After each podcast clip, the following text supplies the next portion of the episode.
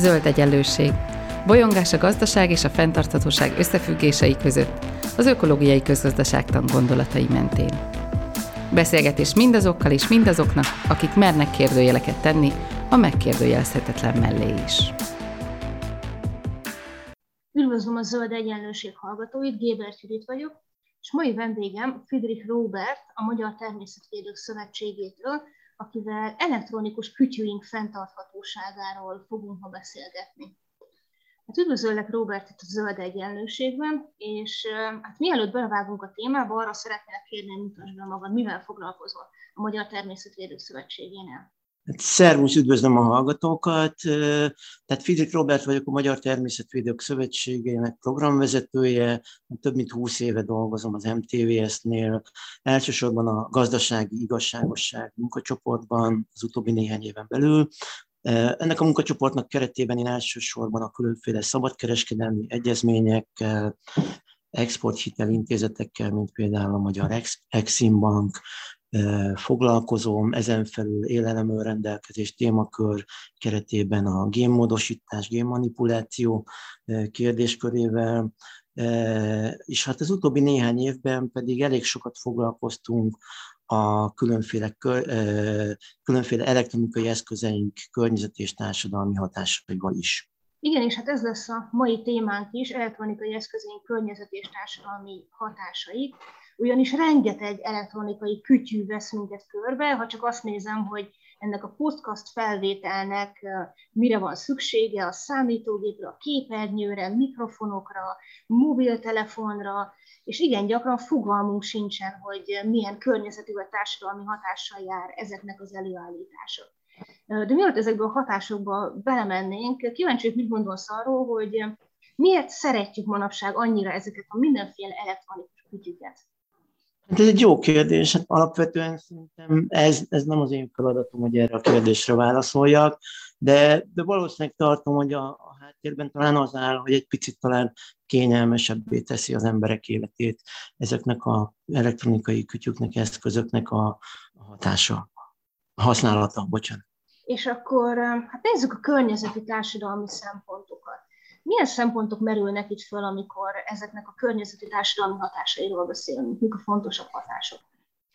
Hát ugye, amikor mi ezzel a témával elkezdtünk foglalkozni, nekünk az volt a megközelítésünk, hogy a különféle elektronikai eszközeinknek a, a, teljes életével e, megpróbálunk foglalkozni, ami magába foglalja azt, hogy tulajdonképpen a, ezeknek a mobiltelefonoknak és más elektronikai eszközöknek az előállításához szükséges nyersanyagok bányászata, e, maga a, a, a gyártási folyamat, a, az alkatrészeknek a legyártása, majd a használata, illetve a végén, az életútnak a végén pedig az elektronikai hulladékká válás, hogy mindezeket e, egy, egy, egy teljes életciklus megközelítéssel szemléljük, és hát azt nézzük, hogy hát ezek bizony nagyon komoly környezeti és társadalmi hatásokkal járnak.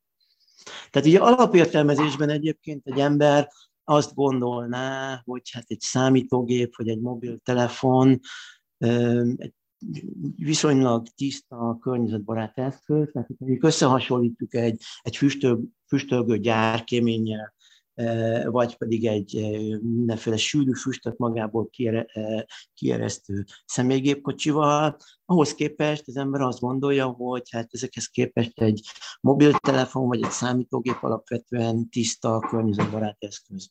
De hogyha megnézzük a teljes életútjukat és az előállításukhoz szükséges energiát, a bányászati folyamatot, és egyebeket, akkor már bizony kiderül, hogy itt azért elég komoly környezetkárosítás jön be a képbe.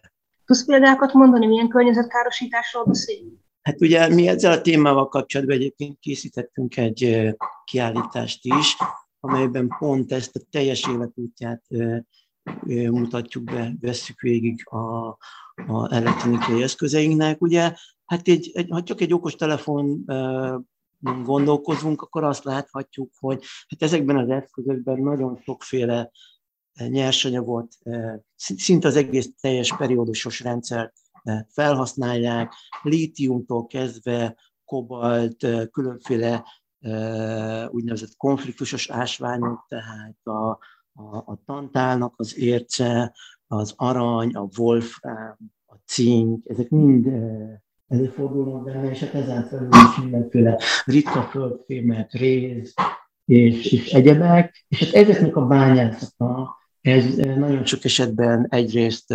környezetkárosítással jár, Magyarország is már több mint 20 évvel ezelőtt ugye elszenvedte a nagybányai szennyezést, tehát az aranybányászathoz elég komoly folyópusztítások, és ugye a Verespatakra tervezett aranybánya kapcsán pedig elég komoly természetpusztítás is kapcsolódik, de, de ugyanúgy a, akár a, a, a lítiumnak az előállítása is Dél-Amerikában, Csillében például az ott élő helyi őslakosoknak az ivóvízkészletét is fenyegeti, és hát ha pedig ugye a konfliktusos ásványokról beszélünk, akkor például a tantál ércének bányászata az egyrészt egy nagyon komoly fegyveres konfliktusokhoz kapcsolódik, illetve a különféle Kongóban élő főemlősöknek a, a, az élőhelyét is veszélyezteti.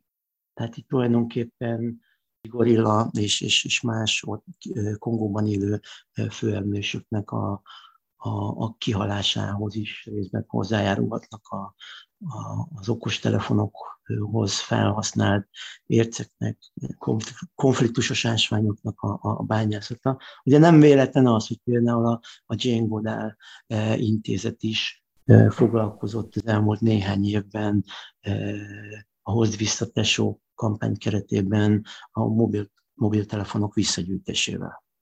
És mi a helyzet ezeknek a kütyüknek a használatával? Ehhez képest a használat az mennyire környezetszennyező?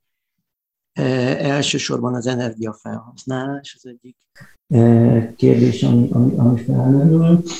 És hát ugye manapság már vannak olyan tanulmányok, amelyek, amelyek arra hívják fel a, a figyelmet, a digitális iparágnak egyre nagyobb a, a környezeti e, lábnyoma.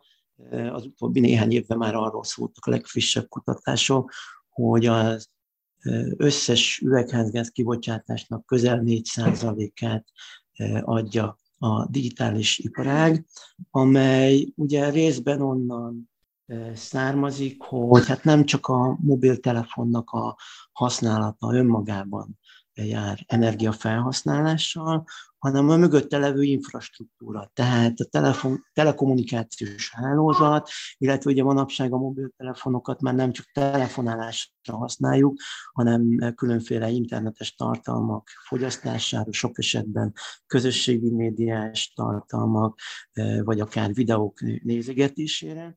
És hát manapság már egyre inkább a, a mobiltelefonokhoz, illetve magához a digitális iparágnak a, az energia és környezeti lábnyomá mögött alapvetően az úgynevezett felhő, a nagy digitális infrastruktúra energiafelhasználása. Tehát így alapvetően a, a manapság a digitális iparágnak a, a, a környezeti lábnyomát elsősorban ma már az energiafelhasználás és az ehhez kötődő üvegházgáz kibocsátás határozza meg, és, és hát ugye nagyjából most már ott tartunk, hogy négy, négy, közel 4 százalékát a digitális, a, az összes üvegházgáz kibocsátásnak közel 4 százalékát a digitális iparág adja, és ez rohamosan évente kb. 9%-kal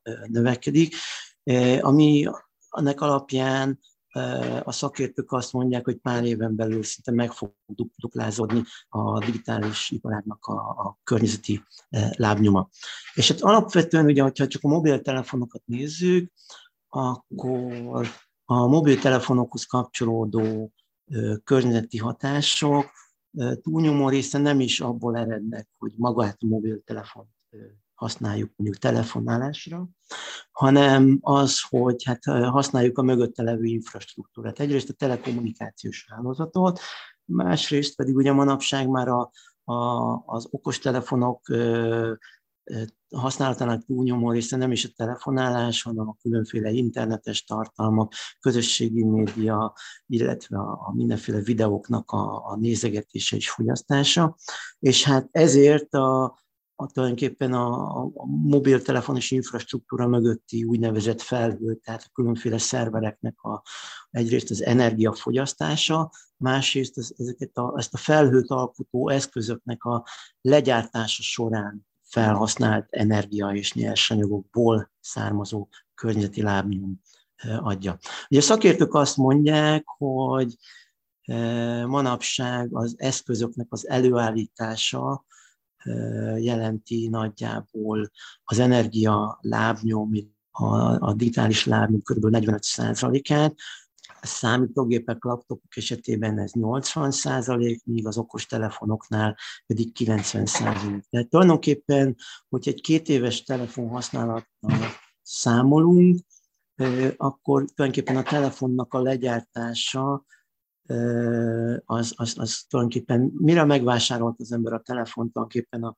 teljes életciklus energia lábnyomának 90%-át adja. Tehát ezért is fontos az például, hogy minél inkább megnöveljük az elektronikai eszközeinknek az élettartamát. És a két év, ez az átlag, amíg használunk egy mobiltelefont? Hát így átlagosan Európában is, és világszerte nagyjából másfél-két évig használnak egy, egy, egy okos telefont, és ezért is indult egyébként nemrég egy európai kampány, amelynek pont az a cél, hogy szeretnénk elérni azt, hogy különféle uniós jogszabályok garantálják azt, hogy 5 vagy akár 10 év legyen az okostelefonoknak az élettartama. Igazából a legutóbbi kampányban 10 év volt a célkitűzés. És azért gondolom a javításnak is szerepe van, hogy tudjuk-e javítatni a mobiltelefonjainkat. Hát ugye mindenképpen, tehát ugye az, hogy manapság másfél-két év egy, egy átlagos mobiltelefonnak a, az élettartama. Ugye ebben jelentős szerepe van a, a, a tervezett elavulásnak, amely részben egyfajta ilyen mm, a, a, a vállalatoknak és a cégeknek egyfajta ilyen technológiai és gazdasági trükkje, mindenféle eszközöket megpróbálnak bevetni azért, hogy az ember minél hamarabb lecserélje a telefonokat, a különféle marketing eszközöket is bevetik egyébként, és hát ennek szintén egy jelentős szerepet játszik az, hogy egyre kevésbé javítható a, a mobiltelefonok. Ugye manapság már a legújabb telefonokban szinte csak kézigránáttal lehet belőlük kirobbantani az akkumulátort, még mondjuk 10-15 évvel ezelőtt azért még viszonylag egyszerűen ki lehetett cserélni az okos telefonokban az akkumulátort. A mai modern eszközökben már szinte csak nagyon drága szakszervizek azok, amelyek esetleg az akkumulátor cserét meg tudják csinálni. De úgy alapvetően egyre inkább, egyre nehezebb a javíthatósága, és egyre drágább a javíthatósága az okos telefonoknak. Nem véletlen az, hogy az utóbbi néhány évben Európa szerte egyre inkább erősödik a, a right to repair, tehát a, a javíthatóságért való jog kampány és a különféle szervezetek lépnek fel azért, hogy hát az egyszerű fogyasztónak azért legyen valamiféle lehetősége arra, hogy esetleg megjavítathassa az elromlott készülékét, hogy ezáltal is megadásuk az erre még élettartamát. És mennyire sikeresek ezek a kampányok a javíthatóságért? Hát úgy néz ki, hogy ez most már egyre több eredményt lehet elérni. Most már az Európai Unió is foglalkozik ezzel a kérdéskörrel, csak hát azért a háttérben ott van a, az elektronikai és, és mobil kommunikációs cégeknek is a, a, a robia, és ezért is lehetséges, hogy pár évvel ezelőtt még például a mobiltelefonokat kivették a javíthatóságra való jogról szóló uniós jogszabályokból, és hát ezért is van az, hogy az elmúlt néhány évben különféle ilyen nagyobb iparági szereplőkkel a vásárlói oldalon a különféle önkormányzatok és egyéb ilyen közbeszerzésekben érdekelt nagyvárosokkal dolgoztunk együtt. Ezért is fontos, hogy fontos megemlíteni, hogy körülbelül egy évvel ezelőtt öt skandináv nagyváros, Stockholm, Malmö, Helsinki, és, és még nem is tudom melyek, egy közös állásfoglalásban fordultak a nagy telefongyártókhoz, amelynek az a lényege, hogy hosszú, több évig használható és könnyen javítható okostelefonokra jelentették be az igényüket. Hát ugye azok a nagy városok, amelyek azért évente sok millió eurós közbeszerzésben érdekeltek a különféle elektronikai eszközök piacán. És hát úgy gondoljuk, hogy amikor a különféle közbeszerzésben érintett nagyvárosok, egyetemek és egyéb közintézmények közösen jelenítik meg az igényeiket a gyártók felé, akkor ezzel talán egyfajta piac befolyásoló tényezőként is fel tudnak lépni. Igen, de mondhatná talán valaki, hogy jó-jó, hogy két évig használunk egy mobiltelefon, de hát ott van az újrahasznosítás, majd újrahasznosítjuk a mobiltelefonjainkat. Mik az újrahasznosításnak az esélyei? Hát az a helyzet, hogy jelenleg ott tartunk, hogy globális szinten az elektronikai hulladékoknak körülbelül 20%-a kerül újrahasznosításra, és hát sokkal nagyobb mértékben nő az elektronikai hulladékoknak a mennyisége, mint amilyen mértékben bővülne az újrahasznosítás. Ez az egyik. A másik, hogy általánosságban is a különféle hulladékos kérdésekben alapvetően az újrahasználat és a, a, a hulladék keletkezésének megelőzése az egy sokkal magasabb rendű megközelítés a hulladék hierarchián belül. Az úgynevezett újrahasznosítás az, az, az ugye a hulladék hierarchiának a, a, a, a legalsóbb része lehet. Illetve hát a másik az, hogy sokkal, tehát, tehát az, amikor mondjuk begyűjtjük a, az elektronikai eszközöket, és akkor azokból különféle nagyon bonyolult technikákkal megpróbáljuk a hasznosítható nyersanyagot kinyerni, az is azért jelentős energia és munkaigényes folyamat, és hát ennél sokkal fontosabb és sokkal környezetbarátabb megoldás az, amikor, amikor megnöveljük az élettartamát egy, egy okos telefonnak, mert, mert ez, ez mindenképpen sokkal környezetbarátabb, vagy hogyha kicserélünk néhány alkatrészt, a hibás alkatrészeket megjavítjuk, már az is sokkal környezetbarátabb és erőforrás takarékosabb megoldás is. Tehát, tehát én, én tudom azt, hogy sokan azt gondolják, hogyha szelektíven gyűjtjük a hulladékot, akkor attól már nagyon környezetbarátok vagyunk, de, de alapvetően a, a természeti erőforrások és az energiafelhasználás csökkentése az az irány, ami, ami, ami felé el kellene mennünk. Az, az újrahasznosítás az, az, az, az, az csak egy sokadik lépés lehet ebben a folyamatban. Ha már itt az elektronikai hulladékról beszéltünk az előbb, tudsz-e valami adatot mondani, mennyi elektronikai hulladék keletkezik? Hát évente nagyjából 50 millió tonna, most így a legújabb adatok szerint talán most már 53 millió, ha jól emlékszem, ami, ami nagyjából 5400 Eiffel torony mennyiségével megegyezik, tömegre vagy térfogat, nem is tudom. És hát a fő probléma az, hogy az elektronikai hulladékok, hogyha újra hasznosításra is kerülnek, azok többnyire Dél-Kelet-Ázsiában, vagy Afrikában, Gánában elképesztő embertelen körülmények között, ahol az úgymond újrahasznosításban résztvevő emberek nagyon egészségtelen körülmények között végzik az újrahasznosítást. Sok esetben az történik, hogy egyszerűen leégetik mondjuk a, a rézről a műanyagot, meg egyebek, és óriási mennyiségű füst, és rengeteg dioxin kerül a levegőbe, illetve aztán bele a talajvízbe, a talajba egyebek.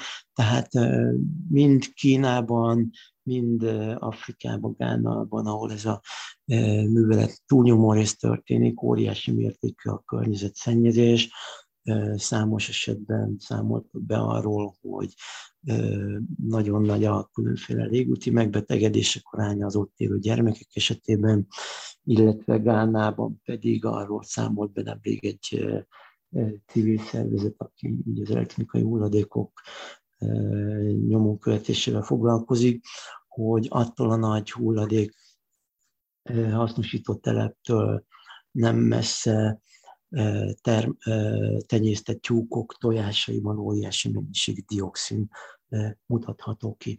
Ugye erről a durva folyamatról egyébként pár évvel ezelőtt a Verzió Dokumentumfilm Fesztivál keretében is láthattunk egy filmet, Isten hozott Szodomában, ahol, ahol pont ezt a gánai főváros határában levő hulladékfeldolgozó telepen uralkodó elképesztő brutális körülményeket mutatták be. Tehát akkor az a mobiltelefon, amit mi használunk, és még akkor is, hogyha az elektronikai szelektív hulladékgyűjtőbe dobjuk, Gánában köt ki, ahol aztán borzasztóan még egyszer elszennyezi a környezetet. Hát nem, fel, nem, nem feltétlenül Gánában köt ki, de az tény, hogy az európai elektronikai hulladéknak egy jelentős része az, az ténylegesen Gánában köt ki. Állítólag a, a Magyarországon begyűjtött mobiltelefonokat egy belga cég hasznosítja újra, egy olyan cég, amely korábban arról volt hírhet, hogy az aranybányászati tevékenysége, főleg Dél-Afrikában, pontosabban Afrikában, Kongó, meg máshol elég komoly környezetszennyezéssel járt. Most ez a cég egy kicsit profilt váltott, és most már elektronikai eszközök újrahasznosításával foglalkozik. Hát bízhatunk benne talán, hogy a Magyarországon hivatalosan begyűjtött mobiltelefonok talán nem Gánában kötnek ki. És akkor beszéljünk egy kicsit megoldási lehetőségekről. Tehát hogy lehetne ezt a, ezt a helyzetet javítani? Tehát, amikor a témával kapcsolatos megoldásokon gondolkoztunk, alapvetően oda jutottunk el, hogy hát a legjobb módja annak, hogy az elektronikai eszközeinkhez kötődő környezet és társadalmi problémákat csökkentsük, az az, hogyha meghosszabbítjuk az elektronikai eszközeink élettartalmát, mert akkor sokkal kevesebb ilyen eszközt kell legyártani, kevesebb nyersanyagot kell kibányászni, és akkor kevesebb elektronikai hulladék keletkezik. Ezért is indítottuk el körülbelül két és fél évvel ezelőtt, talán már három és fél évvel ezelőtt a tervezett elavulás elleni kampányunkat egy petíció aláírásgyűjtés keretében, ha jól emlékszem, legalább 17 ezer aláírás gyűjtöttünk össze. Hát ennek a kampánynak keretében két fő célkitűzésünk volt, hogy szerettük volna az eddigi általánosan kötelező egy évről középtávon, öt hosszú távon, akár tíz évre fel emelni a kötelező jótállást tartós fogyasztási cikkekre, illetve a másik részben francia példa eh, alapján szerettük volna ezt elérni, hogy a tervezett elavulás az egy büntetendő bűncselekmény legyen jogállásilag. És hát ez aztán eh, végül az ezzel a két fő célkitűzéssel kiindult kampány eh, kapcsán összeállítottunk egy 13 plusz 1 pontból álló szakpolitikai javaslatcsomagot, E, amelybe bevontuk a te, fenntarthatóság felé egyesület mellett a Tudatos Vásárlók Egyesületét és a Humuszt, Humusz Szövetséget, és, és aztán eljutattuk a javaslatainkat a több mint 17 ezer aláírással együtt az Igazságügyi Minisztériumhoz, illetve az Innovációs és Technológiai Minisztériumhoz. És hát mi úgy gondoljuk, hogy valószínűleg a mi kampányunk is hozzájárult ahhoz, hogy tavaly január óta megváltoztak a jótállásra vonatkozó jogszabályok Magyarországon, és most már az eddigi egy év helyett 100 és 250 ezer forint érték határ között már két év a kötelező jótállás, míg 250 ezer forint értéknél, érték feletti termékek esetében pedig már három év a kötelező jótállás, és hát bízunk benne, hogy a különféle javíthatósággal kapcsolatos javaslataink is meghallgatásra kerülnek, illetve hát bízunk benne, hogy Magyarországon is el fognak majd terjedni a következő néhány évben a, a különféle ilyen közösségi javító műhelyek, repair cafék, ahol, ahol talán segíteni lehet majd egy átlagos felhasználónak is abban, hogy a, az okostelefonja vagy más elektronikai eszközének az élettartamát esetleg meg tudjuk hosszabbítani. Hát nagyon köszönöm szépen ezt a beszélgetést neked, és hát köszönöm a Zöld Egyenlőség hallgatóinak, hogy hallgattatok minket. Hát mi köszönjük a lehetőségeket, és hát bízunk benne, hogy talán ez a beszélgetés is hozzájárul ahhoz, hogy az emberek egy kicsit már tudatosabban viszonyuljanak majd az elektronikai eszközeikhez. Ez volt az Új Egyenlőség zöld podcastjának mai adása. Hallgassátok az Új Egyenlőség piros podcastot is. Nézzétek a stúdióbeszélgetéseket a YouTube csatornákon, és olvassátok a www.újegyenlőség.hu-t. Vitatkozzatok velünk a Facebook oldalunkon. Jövő héten újra találkozunk.